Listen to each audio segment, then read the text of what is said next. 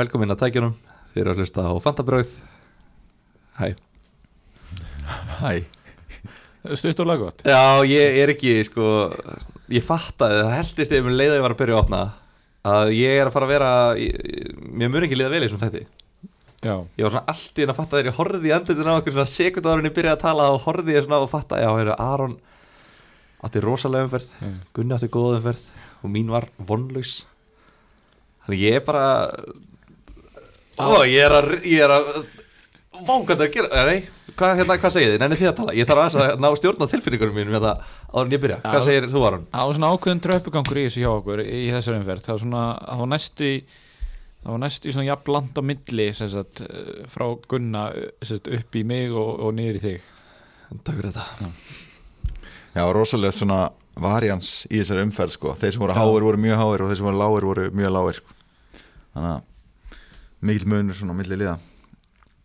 Shit, sko. Kannski skýrði svolítið að því að það voru margir fyrirlega valkostir svona, þú veist, það var ekki lítið um augljós fyrirlega völ og svo líka það náttúrulega að það voru margir sem lendi í að fá væskeftin inn, það sem að fannst að sitt í hérna valmöðuleikarnir uh, spilið ekki. Ó, ég, það er svo margt Já. sem að fór úrskeiðis í þessa umferð. Já, og bara svona hvert orð sem ég tölum með fantasy eins og þetta, þú veist, þá fattaði ég bara já, ok, þú veist.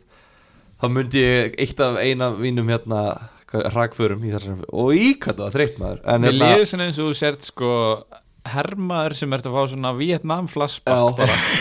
PTSD, ég er með það sko. Þetta er bara, og svo bara mann maður bara já, herru, en við erum í bóði hérna bara svo margra meistara. Mm. meistara, Aron, þú ætlar að segja hverju hver, við erum í Hvað er boði að byrja? ég bara veit ekki hvað er að byrja. Við erum búið Nemju. Já, mér stöðum byrja þeim. Já, það er komin tíma að byrja þeim og það er nú erum við að fara í uh, háanna tíma hjá Nemju. Og heldur þú að það sé ekki komin hérna komin prófatilbúð á netnámskeiðanum hjá Nemju, starffræði og hérna efnafræði og alls konar svona. Uh, þetta er náttúrulega bara uh, kannski sniðið að versló þannig að, kannski svolítið, ég veit ekki hvað er margir, vers, hvað er margir verslingar sem hlusta á fantabröð það er auðvitað slatti Ég væri til í sko, ég væri til í að verslingar sem er að hlusta myndu senda okkur á Fantabröð hérna Instagramið. Bara hæ, ég er í versló. Ég er í gýr, við, við mixum eitthvað skemmt, er bara hérna ég, ég vil að versló hérna bræðar ef við fái meiri, betra tilbúð meiri afslátt, já, það reyna að fá það í gegn. Svo erum við bóði hérna Dominos. Þannig að þriði dagur. Uh, á leiðin hingað í bílnum þá heyrði ég hérna auglýsinguna með tvíhöða læginu þriðudagskvöld raulaða það. Helgin er svo lengi að líða hversu lengi má ég býða fram á þriðudagskvöld Ú, og erst að býða eftir þriðdaskvöldinu Vaknaður í dag og hugsaðir Ég ætla að býða eftir kvöldinu. Uh, Já, þú veist, maður náttúrulega býr alla vikuna bara eftir þessum degi. Einmitt. alveg náttúrulega út af uh, þættinum okkar, líka út af þriðudagstilbúinu Já, já. Sumir Eh, taka tilbúið bara strax í fyrstu máltíð sko. Sumir eru bara að fara í það bara í tíu kaffinu. En svo er það náttúrulega afsláttakóðun okkar Fanta, Já. sem að veitir 35% afslátt. Við erum að hækka hann líka. Fá hann upp í 40 Já, og hérna 45-50 jafnvel. Ég vil, ég vil fara svona að krydda þetta Skefa bræðarefonum betri díla. Já Bræðarefinir eiga það skilið að fá aðeins og Þriða skilið Og sko Þetta er þetta góðu dýll líka núna sko 35% af Já, matseli þetta er basically gefins. En, en gefins, hérna, sko, hvernig stendur því að það sé engin ísbúð búin að ringi í okkur? Blessaður, heyrðu, við ætlum að fá að styrkja þáttinn hérna og bra, bræðar yfir Þeir Tilbá bræðarefum fyrir bræðarefi Shit, hvað það eru er gott. allir markastjórar í ísbúðum sofandi? Ara, nú ert þú viðskiptafræðingur. Hvað er þetta þegar að markastjóri er hérna, ekki að vinna vinnuna sína og er sofandi á, þegar markaðurinn er greinlega til staðar? Það er alveg ljóst að að það er einhver, einhver sofandi. Hér er gap í markaði. Já, Allir eigendur ísbúða sem er að hlusta vinsalast hafið samband og Já, það væri, geðveitt að mæta í næsta þátt og bara nefna einhverja svona 13 ísbúður sem að við erum í bóði en, en við ætlum ekki að nefna neina á nafn út af því það er engin núna og svo erum við góð treyning, er það ekki? Og uh, og það er bara bara gummi er að sjá vel um sína. Já, sko ekki bara það heldur eru ræktirnar að opna. Já. þannig að þeir sem að eru sko go home, þeir sem eru búin að sinna því rosalega vel og hérna væru til að komast í loðin þeir eru að komast í loðin það er stutt í þetta. Þannig að þá er það bara góð treyning Go training. í á Akureyri. Go training og uh, já, það var það bara komið Ég veit það gott að svona sleppa aðeins frá fantasy. Ég glemdi aðeins umferðinni við að tala um hérna, styrktaræðana En uh, aftur í fíluna um, Ég á ekki að byrja. Gunnar, þú átt ekki að byrja. Því miður. Það er kóngurinn. Þið, þið ættu að sjá brosið á mannin There's a new king in town. Þetta er svo krútlegt. En þú ert á rosalega rönni Sko, ég er búin að, ég, um helgina Ég held ég hef aldrei verið bara eins mikið grenjandi og hlátri Yfir einu fantasíalgi Þetta var Og ég rosalega mættur hérna grenjandi og hlátri áfram. En hérna, ég náttúrulega tók vældkartið Og fekk 70 stig. Uh, 70 uh, sagt, já, er 29 stigum yfir meðaltalinu sem er 41 stig. En það er náttúrulega ekki kannski, sagan er ekki öll sögð þar, það er ég náttúrulega gaf út hérna ég náttúrulega gaf út hérna barnabók fyrir helgi. Já, gaf, það var eitthvað Það var einn af besti póstu sem við komið inn á Fantasy Bræðar yfir Facebook-grúpuna Það var virkilega gott sko. Ég, ég er ekki að grínast þar Ég þurfti að leggja frá mér allt sem ég var að gera. Ég var í vinnunni þetta þegar þetta kom inn. Ég þurfti að leggja frá mér allt sem ég var að gera Fara fram og öskra úr hlátri. Það, Ég öskraði í svona 30 sekund en, hérna, en já, ég gat ekki annað gert af því að ég horfði á hennan viðbjóstaðleik á Arsenal og Slavia Prag og sko þetta er einhvern veginn svona eh, ég hérna fæs þess að eins og margir fótbolta áhugaðan frá pappa mínum og held með sama liðu hann. Þannig að þetta hefur alltaf verið svona eitt af því sem við eigum saman og við setjast niður og horfa á leiki svona öðru hverju og ég er einhvern veginn eftir því sem líður á þetta tímbil þá er ég alltaf verið svona nei, ég, þú veist, ég er ekkert við sem ég horfa á næsta leik. Já, svo er pappi alltaf svona, hefur ekki að horfa á leikin Já, já. Og ég bara, jú, jú, horfum á hann leik. Svo þú veist er þetta bara, þetta er ekki bara það að þeir ætla að valda manni vombriðum þeir ætla bara að gera það á eins svona leiðilegan og ömurlegan hátt og mögulegt er. Þú veist, voru þarna svona já, eiginlega betri aðilinn í, þú veist 86 mínútur án þess að skora ná síðan einu marki í lokin og maður hugsaði svona, ok, þetta er skárin ekkert. En nei, þeim tókst að fá á sig eina skítahólspinnu og mark. Þannig að það er allt galopið fyrir setnileikin Þannig að, að þú í kjölfara þessu ákvæmst að losa þig við allt sem að var Arsenal. Já, Þú varst með hvað, þrjá í Arsenal ég var með Leno og Lacazette Já, ég var ok. með tvo. Já, ok. En þú ákvæmst að skila þeim, henda þeim fyrir hafsöga já, og hérna endur struktúra liðið. Já, og það kom vel út. Ég sko uh, já, ég náttúrulega seldi hana, þú veist, þetta eru náttúrulega voru bæði gæjar sem fengur stig. Já, uh, þetta var einhvern veginn svo það bara gekk allt svo mikið upp að ég einhvern veginn hafði rétt fyrir mér alveg sama hvað ég gerði. Já, já. Veist, þeir sem ég losaði mig við fengur stig og þeir sem ég tók inn fengur líka stig þannig að hérna já, þetta var bara drullu gott. 70 stig. Uh, ég var með Maris í kaftin Já, frábær ákvörðun já. Og hérna hlustendur voru mjög áhuga samur um það hvort að ég hefði staðið við stóru orðin sem ég gerði. En, og ég var heppinn að hitta á Sala sem væskaftin Og svo fyrstu stiga bekknum líka fyrir hann. Já, svo fekk ég inn hérna Vitra? Mati Vitra, hann skoraði. Hann kom inn af bekkum Já. Og Conor Cody þið vart í miður þriði maður bekk og kom ekki inn á með 60 en hérna Luke Shaw kom inn á með 1 Chelsea vörnin það var svona eitt að fá sem klikkaði. Var með Mendy, Rudiger og Alonso Alonso náttúrulega spila ekki. Já, já. Eh, þeir tókst að fá þessi mark úr einu mark tilraun Kristal Palace í leiknum. Klassist ekkert eðlilega er óþólandi en ég náttúrulega, þú veist, ég var með Trent skoraði þarna á 90 ég fæ 11 stig fyrir hann Það var níu stiga mark. Já, Hann fekk níu stigi fyrir það mark. Rosalegt. Og svo er ég með Lingard og Iannaccio sem fengur náttúrulega 13 og 14 stig sko. Já, bara í sama leiknum Já. að báðir skori tvö mörg Þetta er svo mikið bullshit Þú veist, þetta er svo ógeðslega gerpalegt En bara magnað að horfa á þetta lið. Þannig að hérna Já, og Sala 14 stigi var að fyrir lið og þetta er alveg skilulegt með þér þannig að jú, jú, ég hefði alveg fengið þú veist, fleiri stig fyrir Lenno og Lacazette en þú veist, maður er bara sáttur með þegar það gengur vel. Já, og þú heldur áfram að príla. Það er, Já, já, þú, príla þú, áfram. þú tekur mánuðin bókstaflega. Þú ert með apríl í gangi já, já. og uh, það er, uh, þú ert komin vel yfir miljón já, vel inn í toppmiljón skulum við segja. Já, Hvað fórstu upp um 250.000 eða eitthvað. Uh, já, komin í topp 750k já, og það er allt að gerast. Svakalega stökk Hástökkar í vikunar Það er bara á stökkari vikunar Það er Aaron Christians. Gu- Gunni var nú að kynna, íslenska listan og FM grilla Gunni var, Gunni var útdórsmaður á FM fyrir 13 árum. Þess vegna fengu hann í þetta hlaðvarp. Við vissum að hann var með ákveðna hæfni í fantasy en Já. líka reynsluna af útvarpi sem er ekki sér mikilvæg. En er Gunni, þú ert næstur. Já, sko, þessi vika náttúrulega var bara geggjuð fyrir þá sem vælkurdu mm. frá að til öð, sko, og þú varst einn af þeim. Það voru þarna vinsæli leikmenn á vælkurdum eins og Trent og Lingard og Iheanacho sem skiluðu mjög vel. Og líka Vitra. Veist, þetta eru leikmenn sem að fáir eru með sem vælkurdu ekki. Já, uh, ég tók inn Iheanacho fyrir þessa umferð.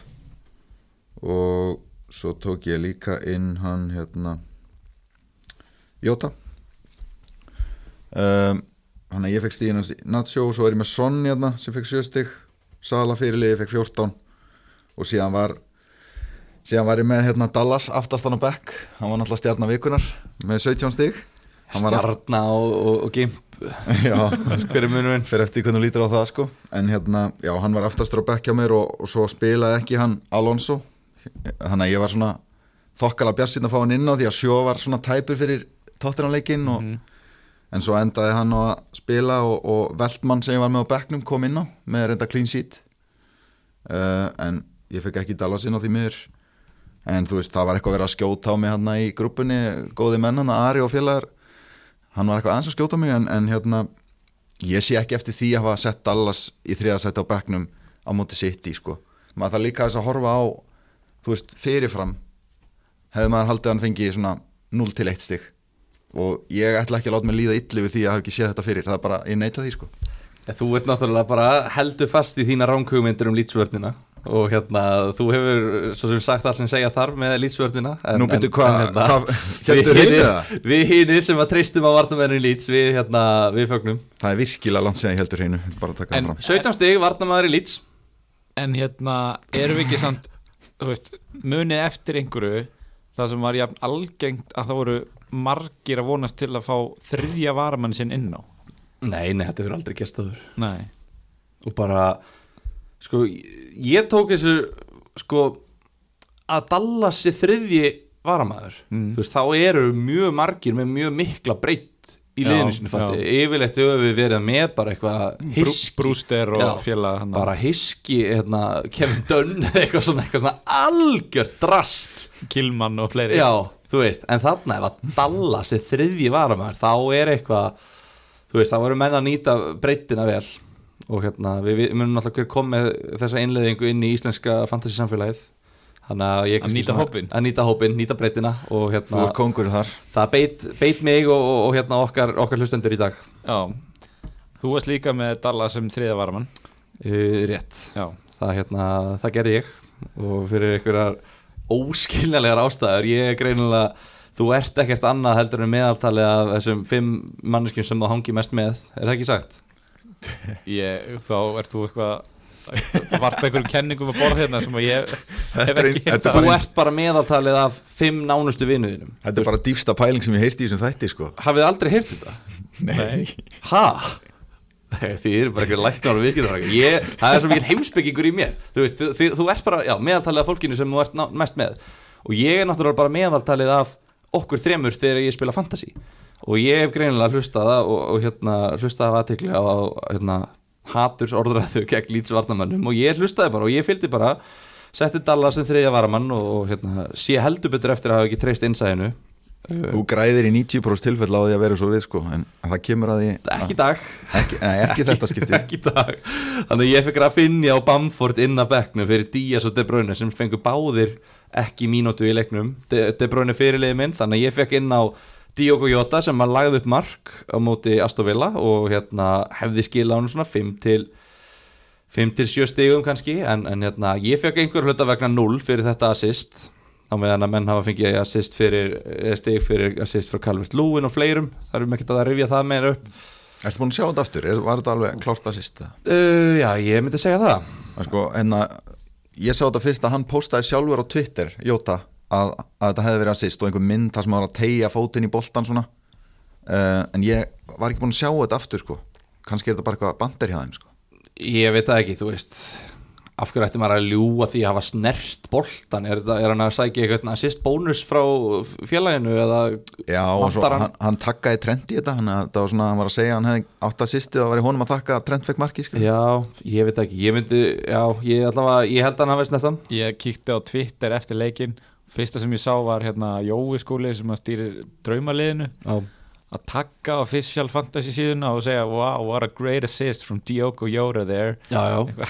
Ok, En það var bara ekki hlustað og, hérna, og þeir náttúrulega hafa þessa reglu, vinnureglu að held ég kvöldi sem að þeir hafa ákveðið það er ekkert litið til baka þeir líti ekki til baka. Nei. þeir eru ekki með þann virta lið í gangi á sér. Það er ekki var Nei, þú veist og bara hérna daginn eftir þó það komi bara 100% sönnun að einhver hafi skorað eitthvað mark daginn eftir þá breyta þær ekki þannig að, hérna, þannig að þetta, var, þetta er bara ekki séns að fá þessu breytt uh, en hvernig, hvað var þetta? Ég var með eitthvað fleiri hérna sem að skilu það var eitthvað einn eða tveir sem skilu, sonn skoraði og þú lítur alltaf komin á Í- Já, ég ætlaði að koma inn á það. Það var annar aðli sem að fekk stig fyrir liðið mitt og hérna ég var mjög ánægð með það, hann að sjálfsögðu tröstið í, ég er svona, svona nokkuð augljóst að, hérna Vafbi að var að fara að valdi við Sáþondon og, og hann er allt í öll í sóknarleiknum og, og það náttúrulega gekk upp og þeir skoruðu þrjú mörg og, eða fjögur náttúrulega, Diagni skoraði náttúrulega frábært mark hérna, held sér í réttstæðinni og, og hérna skallaði boltan svo listilega inn en,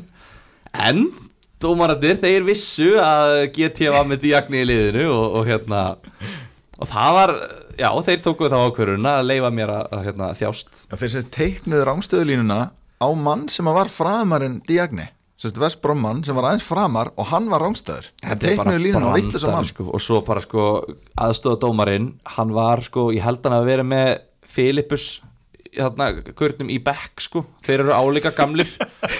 Það, hann er svona 97-8 ára þessi aðstofadómari og þú veist að horfa upp á hans verandi gamall aðstofadómari að svona sjá hann vita ekkert hvort þetta var rángstæðið eða ekki. Og svona gíska bara, hann er svona 13 sekundur að lifta flagginu, hann er svo gammal þetta var bara hans, hann er líklega dáinn núna í dag. Og hérna þú veist þetta var, ég var svo brjálæður í alveg þið trúi ekki hvað ég var reyður út af því að ég, þetta var síðasti leikmaðurinn og ég bað til Guði sem hann er í kvildur svo ég fengi Dallas inn á svo er hann búin að leggur hann upp og skorar og ég bara fokk já, hann fær þá bara jafnveg stiðu Dallas.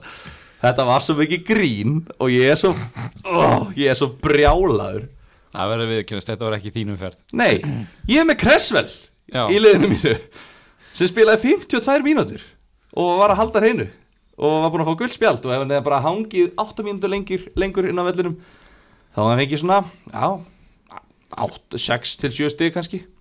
Nei nei, hann fær 0 út af því að hann er tekin út af og þetta er bara, þú veist. Viltu, viltu segja hvað fæst mörg stig? um, ég fekk 32 stig. Já, og ég er svona þú veist, margir í kringum mig sem voru að fá bara 20 og eitthvað þannig að hérna og ég hef nú, það er nú bara orðið frækt hvernig mér gekk hérna ein, ein umferði fyrir að þegar ég mista þættinum þegar ég tók mínus fjóru og endaði með 19 stig netto. Uh, þannig að þetta er tvöföldun á því eiginlega. en ég hangi hérna í top 300k ég er í 288.000 eins og er og draumurinn um 100.000 er kannski að fjarlægast en, en þú veist þetta er bara iris og ris. Ég kemst sterkurinn í umferð. Heldur betur þá var bara spurning hvað við viljum fara yfir sko, veist, það var bara, þú veist, það var ekkert sem gerði ekki brjálan í þessu umferð, ég veit ekki eins og þú veist Wolfs heldur hreinu. Já, ég uh, raunaði yfir það að vera með Já. Wolfsmenn Aron hlustaði ekki tók Cody. Og þú veist, er eitthvað við það? Er, er, er, var ég að miskilda svona rosalega mikið? Er Wolfs bara þjætti varnarlega og er vörnin þar bara the way to go sko, Næstu þrý leikir hjá þeim eru Sheffield á heimavelli Burnley á heimavelli og Vestbrom úti. Þetta eru næstu þrý leikir, þú veist. Það er ekki hægt að fá betri leiki sko. ég, Vestbrámis úti er, er erfiður reyndar en, en Sheffield og Burnley Já, við ætlum að sjá í hvað stöðu Vestbrom verður þá. Og ef þeir verða fallnir þá, þá kannski verður það auðveldari leikur en og Brighton líka. Næsti leikur eftir það, þeir eru nú bara komnir í bara 0-0 og bara sa safna stigum.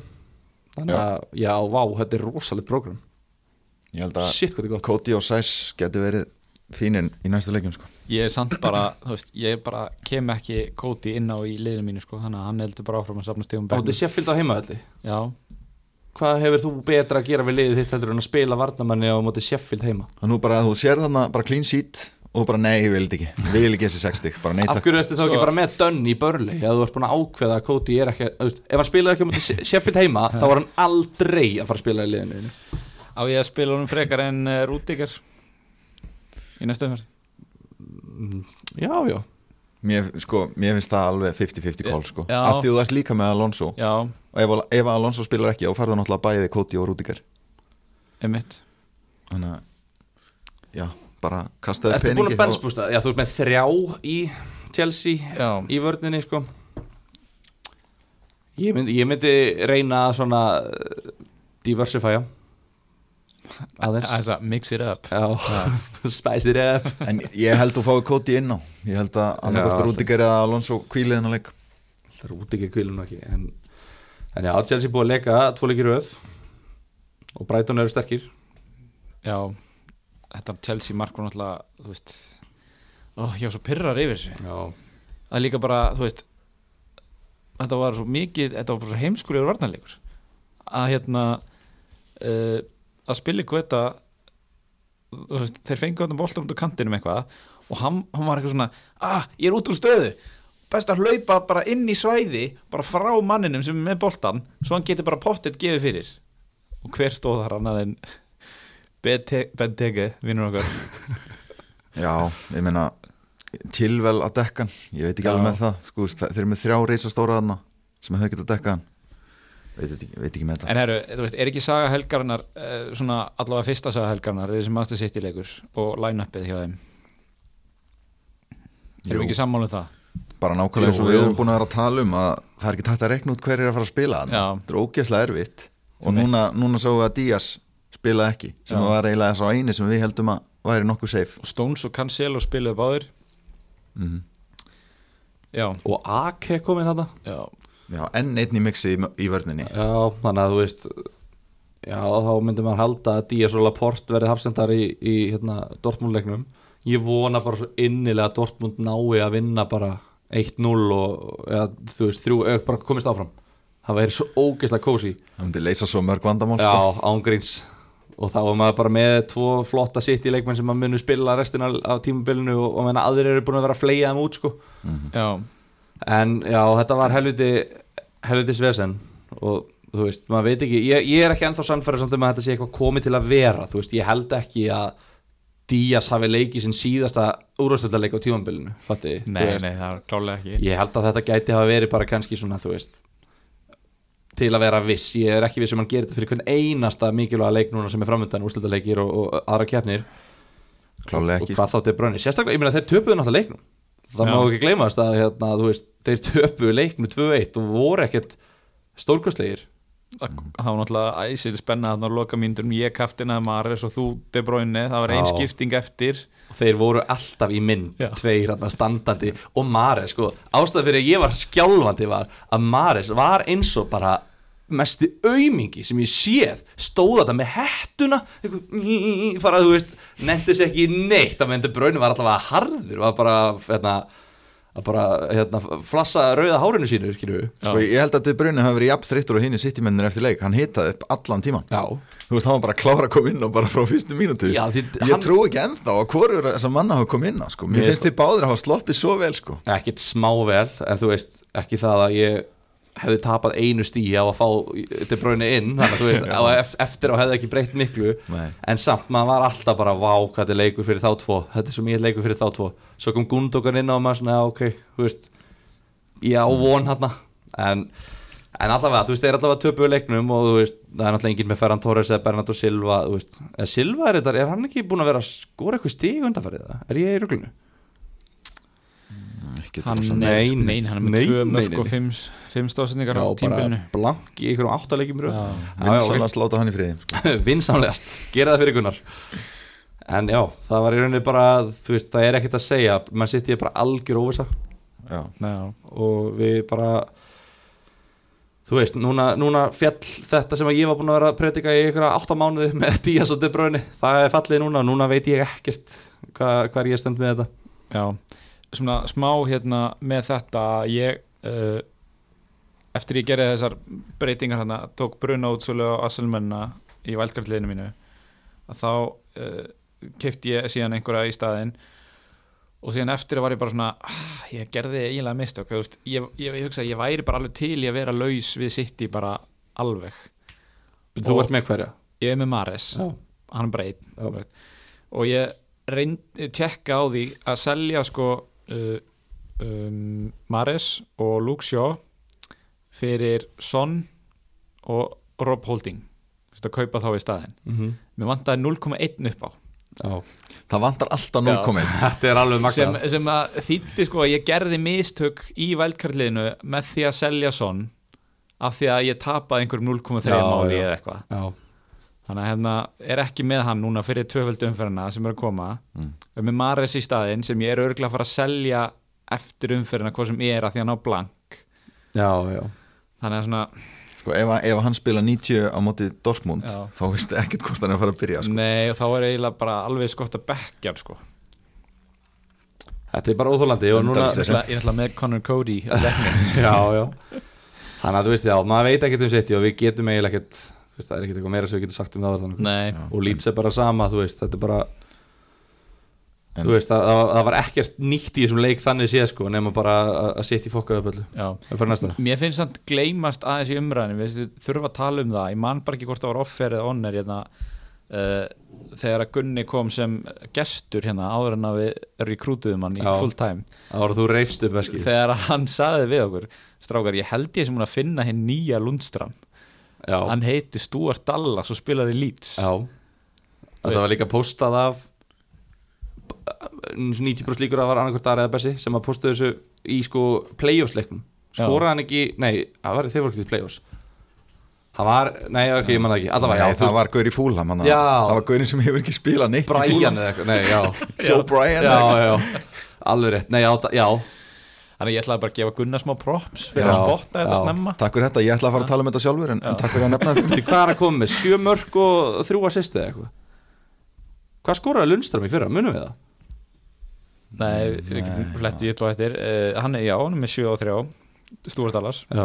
Og hann kom, hann kom fram í hérna, hann gaf það yfirleysing út að vinsalast ekki bekkja sig. Hann gaf Það bara til, tilkynningu til fantasy spilara ekki bekkja mig aftur. Já. takk Líka bara ekki gera það, þetta aftur. Ég heyrði að einhverju hefði gert þetta. Já. Don't do it again. Ég sangst að hann var sko 41% í top 10.000 sem að eigan og 39% bekkju hann og 2% voru með hann inn á. En svo er náttúrulega örgla margir sem fengan inn á sko. já, já. Já, en hann var á bekknum í lang flestum liðum. Ógeðslegt sko. Og kannski En- eðlilega, þú veist, það er, eð, það er skiljanleg ákvörun fyrirfram. Það er rétt ákvörðin Já. fyrirfram. En samt ekki var- eftir á, en fyrirfram er það rétt ákvörðin En samt var þetta sko sk- Þetta var mesta drama Sem að ég hef upplifað í, Síðan við byrjuðum með þetta fantasy podcast. Bara samfélagið á Facebook Fór á hliðina. Og þetta var bara sko einhver 80 komment eða eitthvað á bara þráðin, bara sitt í lýts þráðurinn. Og það voru bara, þetta var svo dramatist, það voru svo margir í sömu stöðu, þetta var eiginlega sko ótrúlegt, mér finnst þetta geður það voru svo margir þjáningabræður þarna, Já, sko. En allir saman í þessu. nú verði ég að stíga inn í sem uh, það sem ég er á tökkunum í dag. Já. við erum búin að vera í svona 30 mínútur að tala um hennar leik sko. Og basically bara eitthvað að babla um ekkert. Uh, keirum við í gang, við ætlum að Já. taka núna svona þrjá leiki á tempói. Leopold Aston Villa. Já, Sala og Trent skoruðu. Já, Sæla er komin í gang. Robertson laði upp.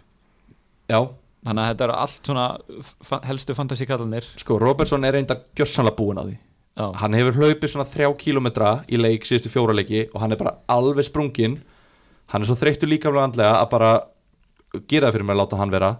Trent, hann er rosalega runni Hann er 32 stig í síðustu þrejum leikjum í úrstættinni já, Mhm. og prógrami hjá Liverpool mjög gott framöndan Já, bara mjög góð kostur í öll lið trend myndi ég segja núna. Og þú nefndi með Sala að hann var mjög góður í þessum leik átti fullt af skotum og hann, þetta er bara leit út eins og gamli góði Sala fyrir mér sko. Já, já. átti eitt dauð að færa hann í fyriráleik sem hann klúraði og ég get bara ekki beðið eftir að Liverpool uh, detti út úr meistaradeldinni á morgun svo þeir geti bara sett fullan fókus á fjórðasætið tryggja sér meistaradeildina og þá sko, um leiður dett út þá er ég að fara að kaupa sala. Jafnvel trend ef ég á efnaði. En Aston Villa var ekkert Olli náttúrulega skoraði með því að skjóta beint á Alisson. Já, já hann, hann, var helviti sniður að leta hérna, hann, hann fó bara það sem að Kabak var og áttaði sig bara á því að hann er bara getur ekki dekkað og getur ekki neitt í fótbolta. Þetta er lélægstu leikmann sem ég séð á æfin held ég. Þannig að hérna hann skoraði og hann er búin að skora núna. Hann er komið 12 mörg á leiktinni Já, Olli. Halló, eitt þriðji af þessu eitt þriðji af mörkunum á móti í Liverpool. Já. Þetta er bara eins og Vestbrom móti bara. Já, hann bara spila þetta að 31 leik Það er þetta að finna svo fyndna tölfræði öllu sko. Eitt þriðja mörkunum hann sem móti Liverpool og Vestbrom með 32% sinna marka á tímabilinu móti Chelsea. Já, þetta er sko. En en bara svona talandi um að spila Martínez í öllum leikjum Hann er með 8 markvöslur í þessu leik og fær 1 stíð í bónus þannig að hann endar í fjórum stíðum Það var það sem ég ætlaði að koma inn á Hann Já. fær bónus fyrir að tapa leik 2-1 og hann veri ekki í víti eða neitt sko. Já, og fær á þessi mark á lokum myndunni eða þú veist. Þannig að ég gerði þau mistök Ég áttaði mikið á því að Southampton væri að fara að bara sleppa því að mæta til leiks. Ég glemdi að kíkja á það að Southampton væri í einhverju annari keppni sem að þeir var eitthvað að fara inn að íhuga. Um, þannig að hérna ég spilaði Forster. Og hann fekk tvö stík en Martínez fjögur, þú veist, þetta er bara tvö stík munur ekki miklu en, en já, maður er búin að læra það núna endanlega að maður spila bara Martínez í öllu Það verðist bara vel að, þú veist, það er oft talað um flór sem er bara, þú veist, minnstu mögulegu stík sem að leikmenn fær og það er bara fjögur stík Í virðist vera. rauninni, sko. bara, þó að hann fær tvö mörk á sig, fær samt fjögur stík þetta er ógislegt hann er bara, þetta er fáránlegt sko. Og svo með Chelsea, við tókum náttúrulega vörnina fyrir, þú veist, og við höfum rætt það bara endalust, en við vorum hérna, við fengum spurningur í Instagram okkar í síðasta þætti, er alveg galið að setja bandið á Havertz, þú veist, einnig byrju hversu heimskulegt er það? Og þetta var bara eins og maður var mættur aftur í getur betur, það var bara, bara hraðaspurning og ég og Gunni bara tíu, bara strax sko, og hvað, voru 13 mínútur búnar eða eitthvað, hann kom með bara 10 stygg, bara þægilegur. Já, við sögðum samt að það, hann væri alveg áhugaverður svona differential. Já, já. en, þú veist, ég stend alveg við það fyrirfram hefði ég aldrei sett bandið á hann. En, þú veist, þeir sem gerðu það eru vantalega skellilegt í dag en, en Já, þú ert líka ekki lengur svo besti, Nei, það er rétt. Því miður. En hvort segir þessi leikur okkur meira um Chelsea eða Krista Paras? Þessi leikur, Mm. Bara Bara bæði? Já, í rauninni sko, eða þú veist Já. Krista Pallas er náttúrulega það Þeir er ekki að mörgli sem að geta eru ég bliðlega á Krista Pallas Þeir eru að verða svipu strákarnir núna sko. Þeir eru komnir á ströndina eins og sagt er. Þeir eru hættir. Krista Pallas og Sáþondon eru farinir að undirbúa eitthvað hella sumapartí sko. Já. En já, þú veist, ég veit náttúrulega ekki hvort fólk er búið að skora tólfræði en þetta var sko actually eina tilraun og ekki, við erum ekki að tala um á markið heldur bara eina tilraun þeirra í Marktilraunum. leiknum já. Þannig að þetta var helviti svekkjandi fyrir okkur, sko. okkur sem vorum að treysta hann á clean sheet.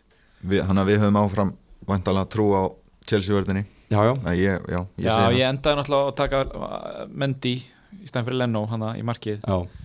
Uh, Borgaði sér ekki núna en maður er bara bjart sín Og Zuma mættur að, og ekki lengi að skora. Já, Þetta er alveg óþólandi að þessi gæi fá ekki bara að spila Þú veist, Já. nú er ég bara Nú ætla ég bara að fara að kom- segja þetta bara í hverjum þætti Að hann fá ekki að spila út af því að hann skora Hann er örugglega næst markast leikmaðurinn í liðinu. Örgulega Hvað er að komið? Sex marka á tímabölinu? Ég held þessi fimm. Já, þú veist Einu meira en Martial. Og hann er kannski búin að spila hálft tímabilið. Hann er ekki búin að spila, hann er búin að vera á bekknum eða ónotað varmaður bara oft. Þannig að hann sé ekki að spila, þetta væri svo geðveikur fartasíleikmaður shit, hvað það þið trú ekki hvað það pyrra mig. Bjarga á línu frá Rúdiger í þessum leik. einmitt þreytt. En sko það sem að hérna, mér fannst pínu skrítið var að sko Chilwell spilaði mestradeldarleikin hann á undan. Já, svo er hann bara mættur aftur í þennan deildarleik. Það, það er einhvern veginn það er svo margt sem manni finnst að eigi að vera bara já, þú veist, ef þeir eru með tvo vinstri bakverði, ef þessi spilar þennan leik þá bara hinn að spila næsta leik. Kannski var Tuchel að horfa á leikin á móti Vafbja já, og sá bara að þetta gengur ekki varnarlega með Alonso kannski, Já, þú já, veist, já. að því hann hefur ekki spilað eftir það. Þetta Eftir- er farið að minna mig anskoði mikið á Pep. Já, þetta er, bara, þú veist, þetta er bara komið annar svona Pep rotation hann gæi. hefur alltaf verið svona. Hann er bara með Já, já. reputation, hann, hann spilar hópnum sínum. Já, gerði það í PSG og gert það bara í Dortmund og Já, en það sem einkenni þá finnst mér vera að bara, það er ekkert pattern í þessu veist, það er eitt að rúlla hópnum en, Já. en það er einhvern veginn ekki hægt að sjá það er það sem er óþægilegt minnstri í þessu Herru, uh, Newcastle vann Burnley 2-1 Gucci Mane Harlan St. Maximin Já, já, það er bara sama og sama við höfum sagt Það er hérna Norðri dreymir og hérna Ég held áfram, þú veist, ég fer, ég sef á nætuna og ég sef mína átta tíma og ég reyna að sofa eins lengi og ég get út af því að þá dreymir mig lengur Já. Það er svona mitt koncept og hérna, og það sem ég fæ að dreyma núna og Gunni Norðan maður er sjálfur hérna Já, Heldur áfram. þetta- Þetta er náttúrulega allt annað lið núna með Þú veist, við sáum bara hvað gerðist í þessum leik Alan St. Maximin kom inn, breytti leiknum lagði upp eitt, skoraði eitt Þetta er allt annað lið með hann og Wilson og nú eru þeir komið tilbaka og þetta getur verið bara allt annað Það er ekki ástæðalösa sem GT var með St. Maximin í fyrstu umferð Hvað kostar hann núna? Fjórar eða? Nei, það lítur að kosta 5,1 Hvað er, hvernig er program er það? Þeir eiga Vestham, Liverpool, Arsenal, Leicester og Manchester City Er mörk í öllum leikjum. Þetta eru mörk í öllum þessum leikjum. Núna sko, nei við vorum svolítið að tala um þetta. Bara svona svo við höfum eitthvað um þennan leik að segja. Að hérna, við vorum að tala um í síðasta þætti að núna eru liðin í fallbaráttunni að fara að rífa sig í gang. Já, já. Og ég var að tala um bara að það er bara spurning hvaða lið þetta verður sem að mun gera það. Vafbja, búin að rústa tveimilegjum í röð. Newcastle farnir að vinna útileik eitthvað comeback sigur uh, Fúlham er ennþá tæpir og Brighton farnir veist, að, nú, veist, ég vona núna að öll liðin neðri liðin sé að fara núna að hérna, taka stig. Já, og ta talandi um grenjandur hlátri sko, þú veist, ég tók Mati Vitra sem bara eitthvað svona varamann fram á við og hann skoraði. Það er alveg æðislegt. Hann, hann er búin að skora núna vel undan að skora í, í síðustu já, tveim leikjum og lagði upp þar á undan þannig að þrjú returns í röð og Já. Chris Wood náttúrulega lagði upp á það. Þetta er að verða Já. bara a great friend of the show, Chris. Já, great friend. Já, uh, Thank you Chris. Já, say hi to Jeanette konunars Hérna, Vítra og Wood. Já. Hérna, já, Wood er búin að skora núna líka þrjá fyrir leikir En sko, er eitthvað lið í deildinni það sem ég haf mikill munur á markmannum og varamarkmannum og held börlei Ég held ekki. Nei, Nei, Hann er alveg sko, hann er bara ja, vonlaus og nafni hans. Kannski Chelsea? Balli, Peacock, Farrell Já, Kepa er náttúrulega sá allra vesti já, kannski Chelsea.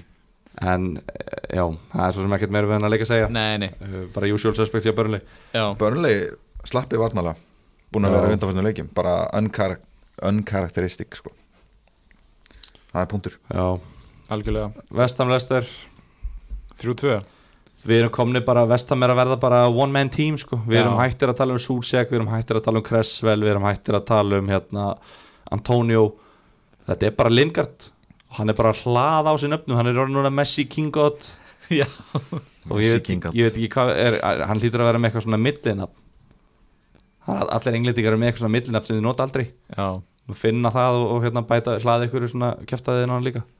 já, það er rétt hann er bara aðalkallin hann og en þú veist, þetta er bara fáralegt Þetta er bara. Þetta er bara eins og hann hefur skrifað handritið þessu sjálfur sko. Já, já, mm, Þetta er bara fárálegt og gengið um bara til annara liða bara Já. þegar hann var í manni og hey, do you want to make this movie with me.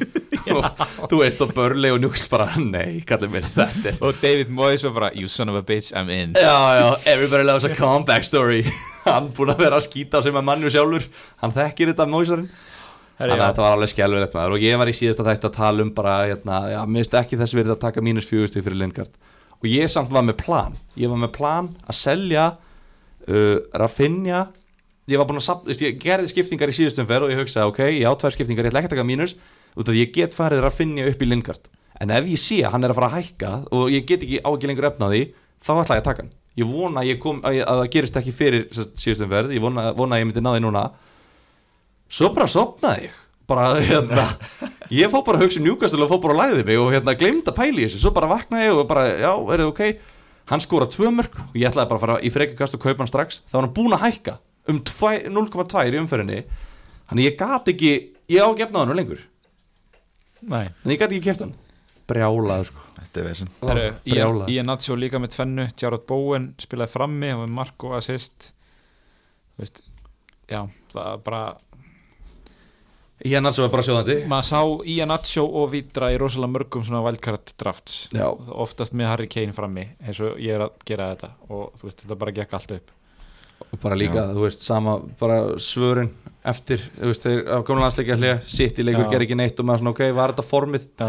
tvö mörg núna út við allar mótið í vestam þú veist, þegar leikurum var búinn, þá skora hann samt þannig að, En svona fyrir hlutlaus að það var eiginlega eitt að skemmtilega sem getur gæst í þessari deild er að Vestham náði 3-0 fórustu já. Það er bara eðalendi þrjúnul undir Það er bara svona 50-50 að hitliði komið tilbaka já, sko. já, það ver- það verður spennandi leikur úr því sko. Með þessi Arsenal náðu því sko. En með hann Ihe Nacho hann er bara í geggjúðu formi og hann er með miklu betri tölfræði en Vardí sko. Hann er með miklu fleiri skot skotin í teg, XG, allt þetta. Hann er með, þú veist, í síðustu fjórum leikum XG upp á 3, kom eitthvað og meðan að Vardí er 1, kom eitthvað sko. Þannig að þú veist, það mun alveg tölvöld miklu á þeim og Vardí verðist vera komin meiri í eitthvað svona creative role sko, að búa til. Já, og við vorum rosalega mikið að velta fyrir okkur sko prógraminu hjá Lester og þeir ættu þennan Vestham leik sem væri svona 50-50 leikur og svo eiga þeir Vestbrom, Krista Palla, Sándrún, Newcastle. Þetta eru rosalegi leiki næstu fjórir. Já, þetta er bara, Sko ég er fáralega spenntur enda fyrir næsta leika mótu Vafbja þetta er alveg sko, ég myndi jafnvel segja að Vafbja að vera líklegri ef eitthvað er. Lester eru byrjað núna að tjóka Ætli þið missi ekki bara meistaradeildasætinu eftir allt saman? Mér finnst það líklegt. Orðin hrætti, þú veist, er það farin að halda og verja fórustu á meðan að Vafbja er, þú veist, þeir eru á því líkri siglingu sko. Ég veit ekki. Ég veit það ekki. Nei. ja, Sammi Sopi er virðist alltaf að reyna eitthvað kraftaverk sko, Já, reyna þeir sem efust. Þeir sem efust um hann, þeir eru skjálfandabeinunum Já, ég held að Lester vinni innan leik samt þ- þ- þráttur þetta. Herru, Arsenal unnu 3-0 sigur á uh, lánlösu liði, Sheffield United. Já. er, er það ekki bara lélegasta liði deildinni eða? Jú, jú, Jú, klálega. er bara by some distance. Já, já, það er bara, jú. Það, Ég vona að flesti geti hort á töfluna. Kunna fara inn á livescore appið og opna töfluna. Já, ég fekk aðeins að heyra þennan grúpunni fyrir að selja lagasett Já. bara eðlilegt. Já, já. En ég reynda að reikna með sko ein önnur ástæð fyrir að mér leið vel með að selja hann var svo að hann byrjaði Európa-deildarleikin ég reiknaði einhvern veginn með sko Aubameyang myndi spila Európa-leikin og sem myndi lagasett fá deildarleikin en lagasett byrjaði Európa-leikin og ég hugsaði ok, hann byrjar þá öruglega ekki deildarleikin Nei, en svo var Aubameyang vist með einhverja flensu. Spilaði ekki af þeim sögum Já, ég var einmitt að pæli hvað hann var eiginlega. Hann og ljóta hórgríslan hans voru bara heima held ég. Já, allir, já Við letum fara vel um sig En maður þarf einmitt, einmitt eins og þú ert að koma inn á hérna þessum að passa okkur á Arsenalmönnum að því að þeir eru náttúrulega sennilega að fara að leggja allt púður í Európa-deildina að reyna að vinna hana. Og getur róterað sínu bestu mönnum í einhverjum leikjum í deildinni. Er reyndar bara nokkur lík- líklegri að detta út á 50 daginn en, en við sjáum til. Já, tjekkandi eru öflugir en, en já, þú veist, að láta ekki blekkjast af ótrúlegu leikjaprogrammi hjá þeim sko. Já, herru, Jún Manchester United vann Tottenham 3-1 Helviti tregur sigur hjá mannjú Já, hvað meinar þau? Ef þú horfið bara á leikmennina sem er að koma að þessum mörkum Þetta er helviti trekt Já, Þú veist, Greenwood, maðurinn sem við vorum allir með öruglega í fyrstu umferð eða ætluðum allir að hafa allavega áður en hann kom til Íslands. Og hérna, þú veist, sem að á að skora og leggja upp í hverjum einasta leik hann er svo viðbjörslega góður. Þú veist, þannig að þessi stig þetta er svona stig sem að þú átt að fá en þú getur ekki fengið út að þú getur ekki haft hann út að það væri bara heimskulegt Cavani líka. Veist, hver væri ekki með Cavani í fantasiliðinu sínu, þetta er geggjað sóknamaður í mjög góðu liði á mjög fínu verði. Það er, veist, st- þetta er svo gefin stig en maður er bara ekki með, það. Er engin með þessa leikmenn og það verður svo heimskulegt. Já, ég, ég ætla einmitt að koma inn á það. Þessi tvei leikmenn sem þú nefnir, Greenwood og Cavani eru bara geggju pikki næstu tvo leiki. Já, þeir eru að spila móti, heima múti Burnley sem við vorum að tala um að hafa verið að vesna varnalega og síðan Út á móti Leeds. út, á móti Leeds sem við vitum að er mjög svona léli vörn. Já og erum um sammála. lélega, vörð þá verður hún ekkert betri í leiknum eftir það. Það eru konum við Leopold-vörðina þannig að þetta eru þrý leikir sem eru bara þú veist og Leopold mætir í þann leik og þeir verða að vinna þann leik út af því að þeir eru í baráttunni. Þannig að þeir munu þurfa að sækja og pressa átt og allt þetta. Þannig að þannig að mannjum mun, þú veist, allir sé ekki bara líkleri en Greenwood kom inn á, það ekki? Hann byrjaði ekki jú. leikin Jú, en við, Marcial er meittur þannig að þessi tveir eru að fara að spila helling. Já, en, en hann var líka mittur í þessum leik og Greenwood byrjaði samt á bekknum í mikilvægum leik þannig að tröstið er ekki meira en það þú veist, að það er svona Greenwood spilaði í, í Evropadeildinni þreim dögum áður þannig að þú veist hann er mikilvæg leikmaður. Já. hann er, hann er ekkit bara bekkjar maður sko. Ekki í fjárveru Marcial allavega. Hvenær byrjaði hann síðast leik? Bara í Evropadeildinni Nei, í deildinni er ég að tala um, þú Greenwood. er hann, Já, er hann búin að hann spilaði tvo 90 leikjum Tvo Tveimur þar á þar 90 áður. mínútur. Já, og búin að spila 90 mínútur í þrem af síðustu fimm. Og líka þremar síðustu átta eða eitthvað. Þetta er, veist, þetta er bara svona þetta er það sem ég er að tala um, þetta er svo Já. óþægilegt. Maður vill bara vera með byrjunalis menn já, þetta er svona frúströndi pikk Já, og Cavani líka og svo er Fredda, þú veist. Allt í hennu breytist Fred bara í sko, þetta var bara hérna, svona bjöð útgafa Vilsjármarkinu á móti Norvils eða ekki? Þetta endar þessu þrýgetningatir já, ég, ég veit nú ekki alveg með það. B-típa af því marki, já, já, kom ekki skot sem var varið og svo, Vilsjár nei í freddmarkinu Já, þú veist, en Fred allt í hennu bara breytist í Jax Vilsjár upp á þessu testa og bara fer að spila sig í gegn og bara klára eitthvað hlaupir í te allavega, þú veist, þetta voru bara treyja gæði sem skoruðu og bara fúlt að vera með Bruno hann sem að bara, þú veist já, Og ég, þú ég er með punkt varandi Bruno.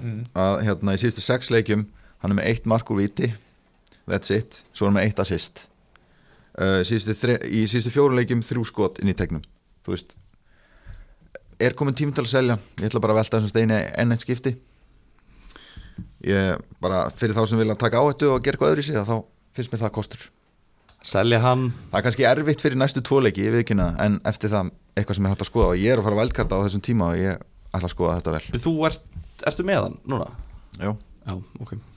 Já, þetta er Þú veist, og svo um leiðum að selur hann þá náttúrulega byrja hann að delivera, við vitum alveg hvernig fantasi virkar. Já, já, þetta er svona alltaf. Þannig að það er bara spurning, þú getur haldið honum og hann er stigalaus eða þú getur selt hann og hann fæ stig þú veist, hvort viltu. Ég vil frekar halda honum út af því að ef ég sel hann, það er náttúrulega hálf, hálfur hérna, heimurinn er með hann. Þá lendi ég bara eftir á, ég brendi mig á því fyrir já, það er alveg að gegja að selja leikmann sem allir eru með og hann deliverar ekki.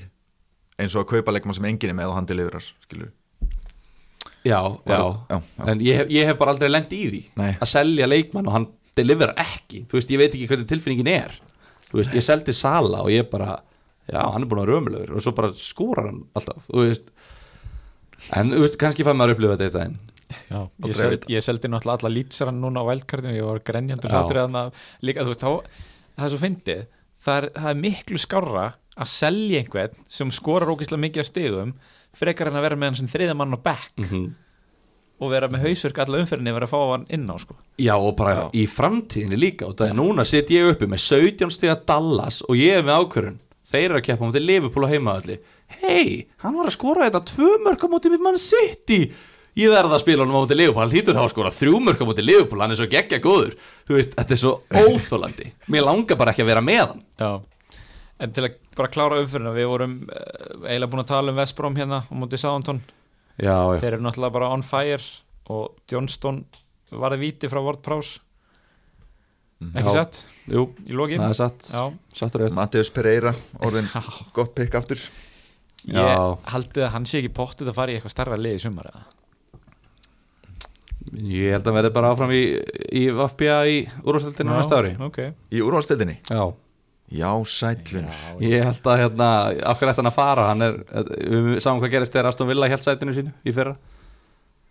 Já, já, þeir bara þróuðu leiksin og. Allardyce er að fara að þróa leiksin á næsta ári með VFBA held og Brighton gerir 0-0 margt jafntölu við Everton. Já, flott hjá þeim. Vist? Já, er þetta ekki svolítið lélegt hjá Everton samt? Engin Calvert Lúin, óvænt. Ég Já. veit ekki hver skora mörkin fyrir Everton þegar Carlos Lúin ekki Brighton hafa verið þéttir og allt tímabili við erum oft búin að tala um tölfræðina hjá þeim. Já, loksins deliverið á hann hana og fengi ekki á sig mark. En ég meina ég veit ekki hvað er meira við um að segja um hennar leik. Mér langar bara ekki að segja neitt. Mér er bara svo drullu saman með þennan leik. Ég var ekki nálægt því að setja sér í sófan á mánudaginum og horfa á þessa tvo, tvo leiki. Ég verð bara að vera hreinskilin Einmitt, ef að fara í spurningar Já, bóðum okkur í spurningar Það var ekki mikill fyrirværi Nei, það var bara null Það eru Já. bara þeir allra tryggustu sem að náðu inn a question. Já. einhverju með notification á þessu. Já, það lítur eiginlega að vera. Er þú með spurningarnar? Aaron. Já, Heyrðu, já, sjáta á þetta gumma fel. Já.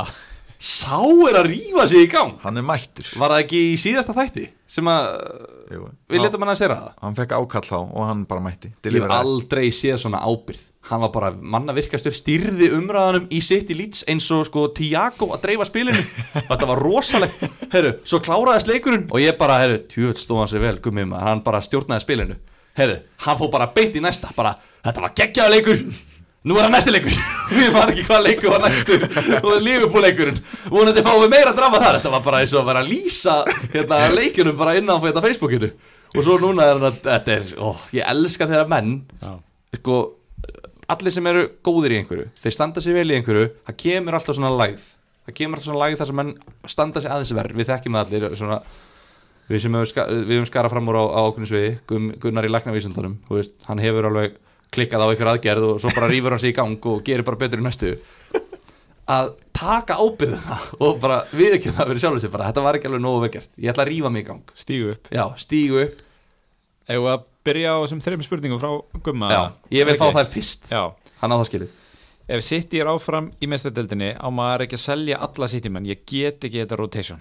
Þetta geggi spurning bara Já, bara, ég er búin að gera það. Ég held að það svari ágætlega. Já, ég held að þú veist, leiðin er bara annarkort að vera með þú veist, enga City menn eða vera með einn og þú veist, vera þá vakandi fyrir því að vera með tryggan kost á bekknum sem að getur komið inn á.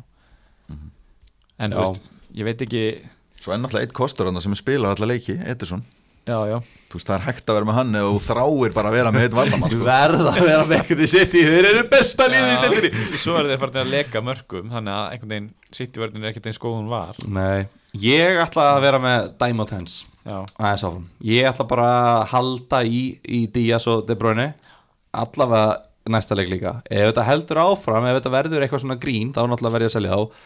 En ég vona að þetta verði bara one off. Mhm. en ég tek það samt fram að þeir sem hafa hlusta á þetta podcast frá fyrsta degi vita það að ég og Manchester City erum svona þú veist já, Ongoing svona fling sko. já svona on off. Svona Love and hate. óheilbrygt ástasamband já, óheilbild ástasamband Það er næsta spurning, eh, er Iannaccio must have næstu fjórar vikur? Ég segi já. Bara must have Já, mér finnst það. Hann kostar ógeðslega lítið, hann er með einn bestu stats í deildinni og á fjóra geggjaða leiki í næstu fjórum. Þú veist, hvað meir eru að byggja um hérna? Ég ætla að segja já, líka út af því að það er ekkit margir góði kostir í frammeirastöðunar Þú veist hefur þú hýrt um Diagne? Já, og það er til dæmis mjög góð skipti að fara úr Diagni yfir í Iannaccio Já. já, ég veit ekki alveg með það Diagne maður, hann er hérna búin að til yfir að tóleikir auð Já, ég Marko assist í báðum. Þú getur haldið honum og verið áfram einu í Íslandi með hann, en ég myndi allavega ekki kaupa hann ef ég væri ekki með hann. já, Herru, En ég er á sammála, það er fínt að halda honum. loka spurningin frá Guðmundi Felixinni. Uh, Það er margir að stefna á triple kaftin á Kane núna í komandi öförð uh, mun koma betra triple kaftin tækifæri setna á leiktíðinni Ég, nei, það er mjög óleiklegt Já, ég held að það sé svarið, það er mjög ólíklegt. Ég held að maður sé bara að ofhugsa hlutina ef maður, Allar ekki að taka maður ætlar að sleppa því, sko. Já. Og það, veist, það var einhver umræðum að taka son frekar, mér finnst það algjörst kjátt því, sko. Mhm. okkur að því bara Kane er bara líklegri til að skora. Hann með vítin, þú veist Son er að stíða upp úr meðslum líka, við veitum ekki eins og hvort hann spilar all, 90 myndir í báðum þessum Hann var náttúrulega fyrir grófri líkamsárás í Manchester United leiknum. já, við veitum ekki eins og hvort hann spila mér á tímambilinu eftir Já. þessar hræðilu árás frá McTominay já, reyndar. Hann lá eftir hann í 5 minútur og all, allt læknaliðið á vellinu var stumrað yfir honum sko, hann var svo hræðilega mittur hér erum við með manni og manni setti eða hvað? Þa, þetta var gjössamlega annað eins. þetta var að fáranlegasta sem ég sé í fótbollleik náðu í pappir, hvað er pappir? Hanna? Heyrðu, við unnum leikin sko, ég er, ég er skellbrósandi Herru, en, en þetta var fáranlegt atvik, Hver eru góð replacement fyrir Gundogan eða Díaz? Byrju, eitt samt, Mm. með hitt, mm. trippulkaftinnið Já. Hvaða lið, eh, vitum við hvaða lið eiga eftir Er búið að negla niður allar umferðir Er ekkert lið sem á eitthvað svona óplanað umferð, þú veist Mannjú Jú, eða jú, jú. það eru allavega tvei leikir hérna Villa og Everton eiga leiki eftir, Sáhandón líka Ok, þannig að þetta er ekki Mannjú eða City eða eitthvað svona lið sem hafi með Nei, og síðan eins og ég var að tala um í síðasta þætti, þá, þá gæti haft eftir að mix, hérna, breyta alveg síðustu umförunum til þess að koma sagt, þannig að öll liðin fái heimaleiki síðustu tveimur umförunum af því að þá að fara að hleypa áhörundum á leikinu síðustu tvær umförunar og þá verða öll liðin að fá heimaleik. Já, þannig að þá eftir að kannski að mixa þessu öllu upp og það gæti verið blank gamings og double gamings sem við vitum ekkit um á þessum tímapunkti. Gætu við séð uh, ef að City fer til dæmis áfram í meistaradeldinni eða Mannjú í Europadeldinni gætu við séð frestanir og breytingar eða er þetta bara helst þetta alltaf eftir þetta haldast umferðinir alltaf og, og, hérna, og liðin bara rótir að spila bara varaliðinu? Ég man ekki hvernig þetta er. Sko, það fer eftir COVID anstæðanum ef að á að hleypa áhörundum á völlin þá verður þessu miksað upp, þá verður verða leikjabreitingar en ef að þeir halda áfram þessum takmörkunum þannig að komingir áhörundur á völlin þá helst þetta eins. Ég skildi allavega þannig á þessum tímapunkti. Okay. þá held ég að, já, þá held ég að Kane trippulkafti núna sé besta takkifæri sem við munum fá til að spila þeim chip. Já. sammála Já, en eh, svo ég endur tekki spurninguna. Hver eru góð replacement fyrir Gundogan eða Díaz? Gundogan, Lingard, Já, Díaz uh, Trent. Já, Trent eða Chelsea vörð, Holding, já, Wolves vörð Sæs eða Koti já. Rudiger. Myndu þið taka tóttina varnumann fyrir Nei, tvöföldum fyrir nei ég, eða fyrir tvö, nei, ég myndi ekki nenna eða transfer í, Nei, þú veist talandi um hérna uh, gólfið og þakið. Þú veist, þak, þakið á þessum tóttir, það er bara Regilón sem að væri mögulega og ég, þú veist, er hann að fara að spila báðaleikina veit það ekki, er hann að fara að gera eitthvað í báðaleikinum, þú veist, mér finnst miklu líklega að þetta sé bara að fara að skila sér í fjórum stöðum og þá, þú veist, þú, þú ert ekki bara að eða einu transferi að kaupa hann, þú ert líka að eða öðru transferi að selja hann, þannig að ég myndi svona ég myndi ekki nenna eða tveimur transferum til að ná inn fjórum stegum í staðan fyrir tveimur núna í einn umferð. Ég held það. Uh, Nú er Adama Traore þetta í gang, hann var að kaupa hann? Nei, nei, nei. Nei, ég myndi, ekki- ég myndi ekki taka neitt sóknamann í Wolves Nei, það er bara mikil meðsli þarna og Net- við erum að sjá þeir eru að skora 0 til 1 mark í hverju meðinasta leik. Já, Petro Neto var eitthvað fólki, sérstaklega kannski á wildcardi sem keipti hann fyrir umferðina, hann meittist á nýja og er frá út leiktíðina. Já, þannig að það, þá er eitt sterkasta vopni í þeirra sóknuleik dottið út. Þannig að og þeir eru kaldir framherjarnir hérna Viljan Húsey og Fabio Silva eru ekki að delivera og já. Ég er bara það, hata húls Ég hef bara gjössalega komið ógi á þessu félagi núna bara, þú veist, þeir voru, það var svo mikið potensial í gangi og uppsving og þetta var svo spennandi. Mér finnst þetta bara svo ekkert eðlilega leiðilegt lið núna, sko, Wolves og Southampton ég er bara, þeir eru bara cancelaðir þannig í ágúst fyrir mér. Er það þess virði að taka mínus fjögur til að fara úr Aubameyang yfir að sonn Já, vil það já, þú veist Obama er náttúrulega leikmaður sem þú þarfst að lúsa sko, virðist vera, ég menna hann er ekki eins og með farsætt í liðinu sko. já, það er svolítið, það er kannski mesta vandamál í þessu. Það er Já. kannski svona það sem endalega neglir þessu ákvörun og já, ég segi já. Ég er enda að skil ekki af hverju maður þarf að taka mínus fjögur út af því að svona er ódýrari. Þú veist, það væri kannski hann er Já. alltaf búin að gera transfer. Já, að maður er búinn að taka eitthvað frekjukast um helgina eins og, eins og ég og Aron gerum stundum. Jú, ég myndi taka mínus fjóra og taka sonnin fyrir Obama ég held það. Já, samanlá, uh, Við erum alltaf sammála þetta eru góðar umræðir hjá okkur. Herri, hann Það er Viktor Birkis segir hérna er ég sá eini sem seldi Dallas og ég er natsjó fyrir umferðina? Keifti Grelis og kaftenaði Kevin De Bruyne? Sko svona spurningar verður við að rítskoða bara. Ég, Mér finnst ekki að svona ég að fá að fara í loftið. Já, Þetta er eitt af því allra bilaðasta sem ég hef heyrt á ævin ég vil fá raukstöðning fyrir að selja í hérna svo núna Bara þú veist hvernig dettur manninu þetta í hug með fullri virðingu já, ég veit ekki Þetta er bara bila, Hva, hver á spurningin? Er það steikt? það stóð, er ég sá eini Já, já, þú ert sá eini Já. Ég ætla Já. rétt að innilega vona að þú hafi verið svo eini í heiminum sem gerði það kaupa meittan grílis, ég veit ekki með það Já, herri, svo er svona, mest verið að spyrja bara þú veist, hverju mælið með svona fyrir lokasprettin varandi svona góðir aðgreinar og, og annað slíkt við erum bara búin að fara rosalega vel. Já, í, já, í, í það sko. Og að lokum þá er hérna þakkar orð til mín fyrir að, að það var eitt hlustin sem kifti lagasett og vil þakka fyrir sig. Já. Já. Bara, ég er sammála, við bara þökkum fyrir þína þjónustu. Ég er farin að íhuga að kaupa rakkasett sem að ég hef aldrei gert. En? Vegna þess að ég er meðaltalið af þeim sem verið kringum mig í fantasy Þá, þá er ég að nálgast uh, lakkasett pælinguna. Já, Er það ekki bara transfers og captain picks og er ekki bara að fara í loka partin? Ég held það. Svona fyrst maður er komin að taka hana þá er maður svona farin að hafa skoðanir á setupinu í þættinum. Þetta er ótrúlega, þetta er svo vel skipulegar þáttur. Ein pæling Gylfi að þú ert að standa miklu betur núna en á síðast tímbili þú ert miklu ofa núna.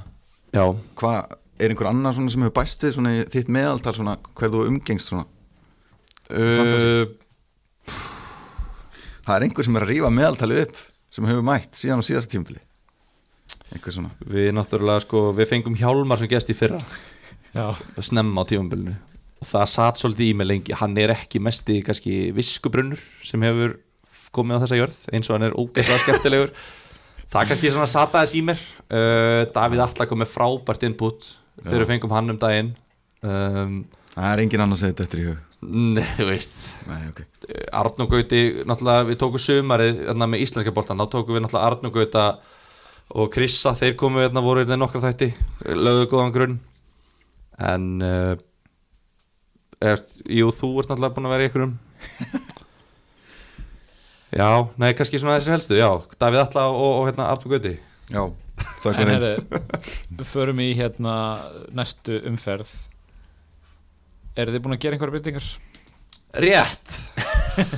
Ég er búin að gera breytingar. Í frekjukasti þá uh, Á meðan leikir voru í gangi, er það ekki rétt? Jú, jú Er, það er að styrlast sem ég veit að gera breytingar á meðan leikir eru í gangi sko. Já, þú veist Já, kannski. En ég bara tók frekjukast og hérna, þú veist Má maður ekki taka frekjukast Ég er ekki í 50, sko, ég er bara krakki. Nei, þú, vex, þú mynd vaksa upp úr þessu. Ég er bara, hérna, ég er bara í háskólanemi, sko. Ég Ég, gerði það líka þegar ég voru þínum aldrei ég er barnlaus. Ég hef enga ábyrð í lífinu. Uh, Ég náttúrulega seldi Rafinha og seldi Diagne og já, og keifti Lingard og Ihe Nacho. Get ekki sagt að þetta komið stórkustlega og vart Nei, og þetta á ekkert að koma neitt óvart og ég er ekkert að reyna að finna upp hjólið. Ég er bara að reyna að spila leiðilegan bolta í þessum, Mm. spila til sigurs. Þetta hljóma gálega hér og ég er komin í 3-5-2 ég hef verið svolítið að vinna með 5-4 taktíkina, nú er ég hættu því Phillips er komin aftast á bekknum. Ég, ég kom með smá, smá hérna, pælingu núna dýrustu leikminni spila.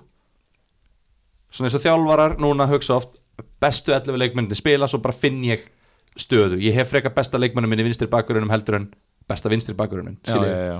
nú er ég bara með þetta. Dýrustu leikmennin vilja að spili og Phillips kostar 4,1 svekkjandi, þú ert á bekknum, þú ert neðstur í fæðukiðinni Já, en þú ert að spila bestu mönnunum, ekki dýrustu. Nei, af því að fantasy, sko bookies knows. Þetta er eitthvað sem að þú munt læra þegar þú byrjar að betta um leið þú byrjar að betta á ennsku úrvastildina og segja, já, mannjú er góður, þeir vinnur eitthvað börli og heimavelli, nei. Þessi, byrja- þessi leikur snýst um að finna valjú í ódýrjulegum mönnunum líka, sko, ekki um- bara þetta. Þetta snýst um væntigildi og húsi vinnur alltaf. Bookies knows og þegar ástafið því að Nathaniel Phillips kostar fjórar það, ég, ég, þetta er bara svona eitthvað sem ég ætla að prófa. Ég, ætla, ég ætla að prófa að sjá hvernig þetta gengur. Ég er reyndar, þú veist, ég er reyndar með Bamford þú veist, sem annan varamann. Hann, hann er, hann er dýrar en Nacho, já, til dæmis. inn með Bamford og dýrar en Dallas líka. Stattu við það sem þú segir. Og dýrar en Lingard og dýrar en Díaz og dýrar en bara flestir í liðinu. Inn á með hann En þú veist, ég er svona, ég ætla svona að prófa þetta, ég ætla, ég ætla reynslu pröfa með Phillips Þetta er sem sagt algild regla sem gildir samt bara um einn leikmenn í liðinu. Það er eitthvað svona, þetta er undantekningi sem sannar reglum Já, já, já. En ef að Phillips blankar, þá er ég sáttur. En ef Phillips heldur hreinu, þá náttúrulega er þetta bara fallið Og hérna, þannig ég er í 3-5-2, Kres- sko, nei reyndar. Cresswell, Dallas eða Phillips? Hverju má ég spila? Þú getur ekki spila Cresswell, hann er meittur Get ég ekki spila á honum? Nei, að þú veist, jú, getur haft hann inn og hann fer samt alltaf á bekkin eftir umferðina því að hann er meittur Er hann ekki að fara að spila? Nei, hann er meittur á hamstring og samkvæmt því sem ég sá það eru nokkra vikur. Mm, Já, frábært. Heru, Ok, það var Dallas eða Phillips. Ég myndi spila Dallas. Já, samlaði, hann er dýrari líka Vel gert hann uh, Og ég er með Triple Captain Aktiv Ok. Já, vel gert. Uh, En þú Gunni? Já, ég er líka með Triple Captain Active. Ú, þú ert með það Active. Já, Hvenar Eh. activator bara strax, strax og umferðin byrjaði, sko. Síðasta. Minnum á að þó maður sé búin að aktivita þá getur maður að cancela því. Já, Þú veist að þetta er ekki læst eins og hérna vælkartið. Bara Mhm. fyrir þá byrjendur sem er að spila en leikur að hlusta á núna á okkur í fyrsta skipti. Mhm. Svo er ég með, þú veist, Cresswell er sennilega það transfer sem ég er að fara að gera að henda honum út. Ég er að pæli að taka Spurs varnamann, Region og ástæðan fyrir því er að því að ég á vældkarti eftir. Ég er í þeirri sérstöku stöðu sem eru ekki margir í þeirri stöðu. Þannig að veist, ég er að fara að vældkart á næstu vikum og þá hendi ég honum bara. Já, þannig að það er sennilega transferi sem ég geri sko en ég er með Rafinha inn á frekar en Dallas. Það er ákveðin séns. Ég þarf bara að kingja því ef, að- ef að Dallas Já, skilur já. eftir Það bara væri algjör hræstni að setja varnamann í lýts í byrjunlið já, ég meina ég er nú samt búin að vera með hann eiginlega allt um að byrja sko. Að hann Dallas er góð vinni minn. Aaron? Herru, ég hérna það er svona ákveði merki um það að, að hérna valdkartum manns gekk upp ef mann langar ekki að gera neina breytingar eftir, eftir fyrst umfyrir á valdkarti þannig að ég hugsa að ég geri bara enga breytingar. Ég á nú eiginlega bara nóg erfitt með að velja í liði eins og er. Ég er með Luke Shaw og Conor Cody á bekknum eins og er.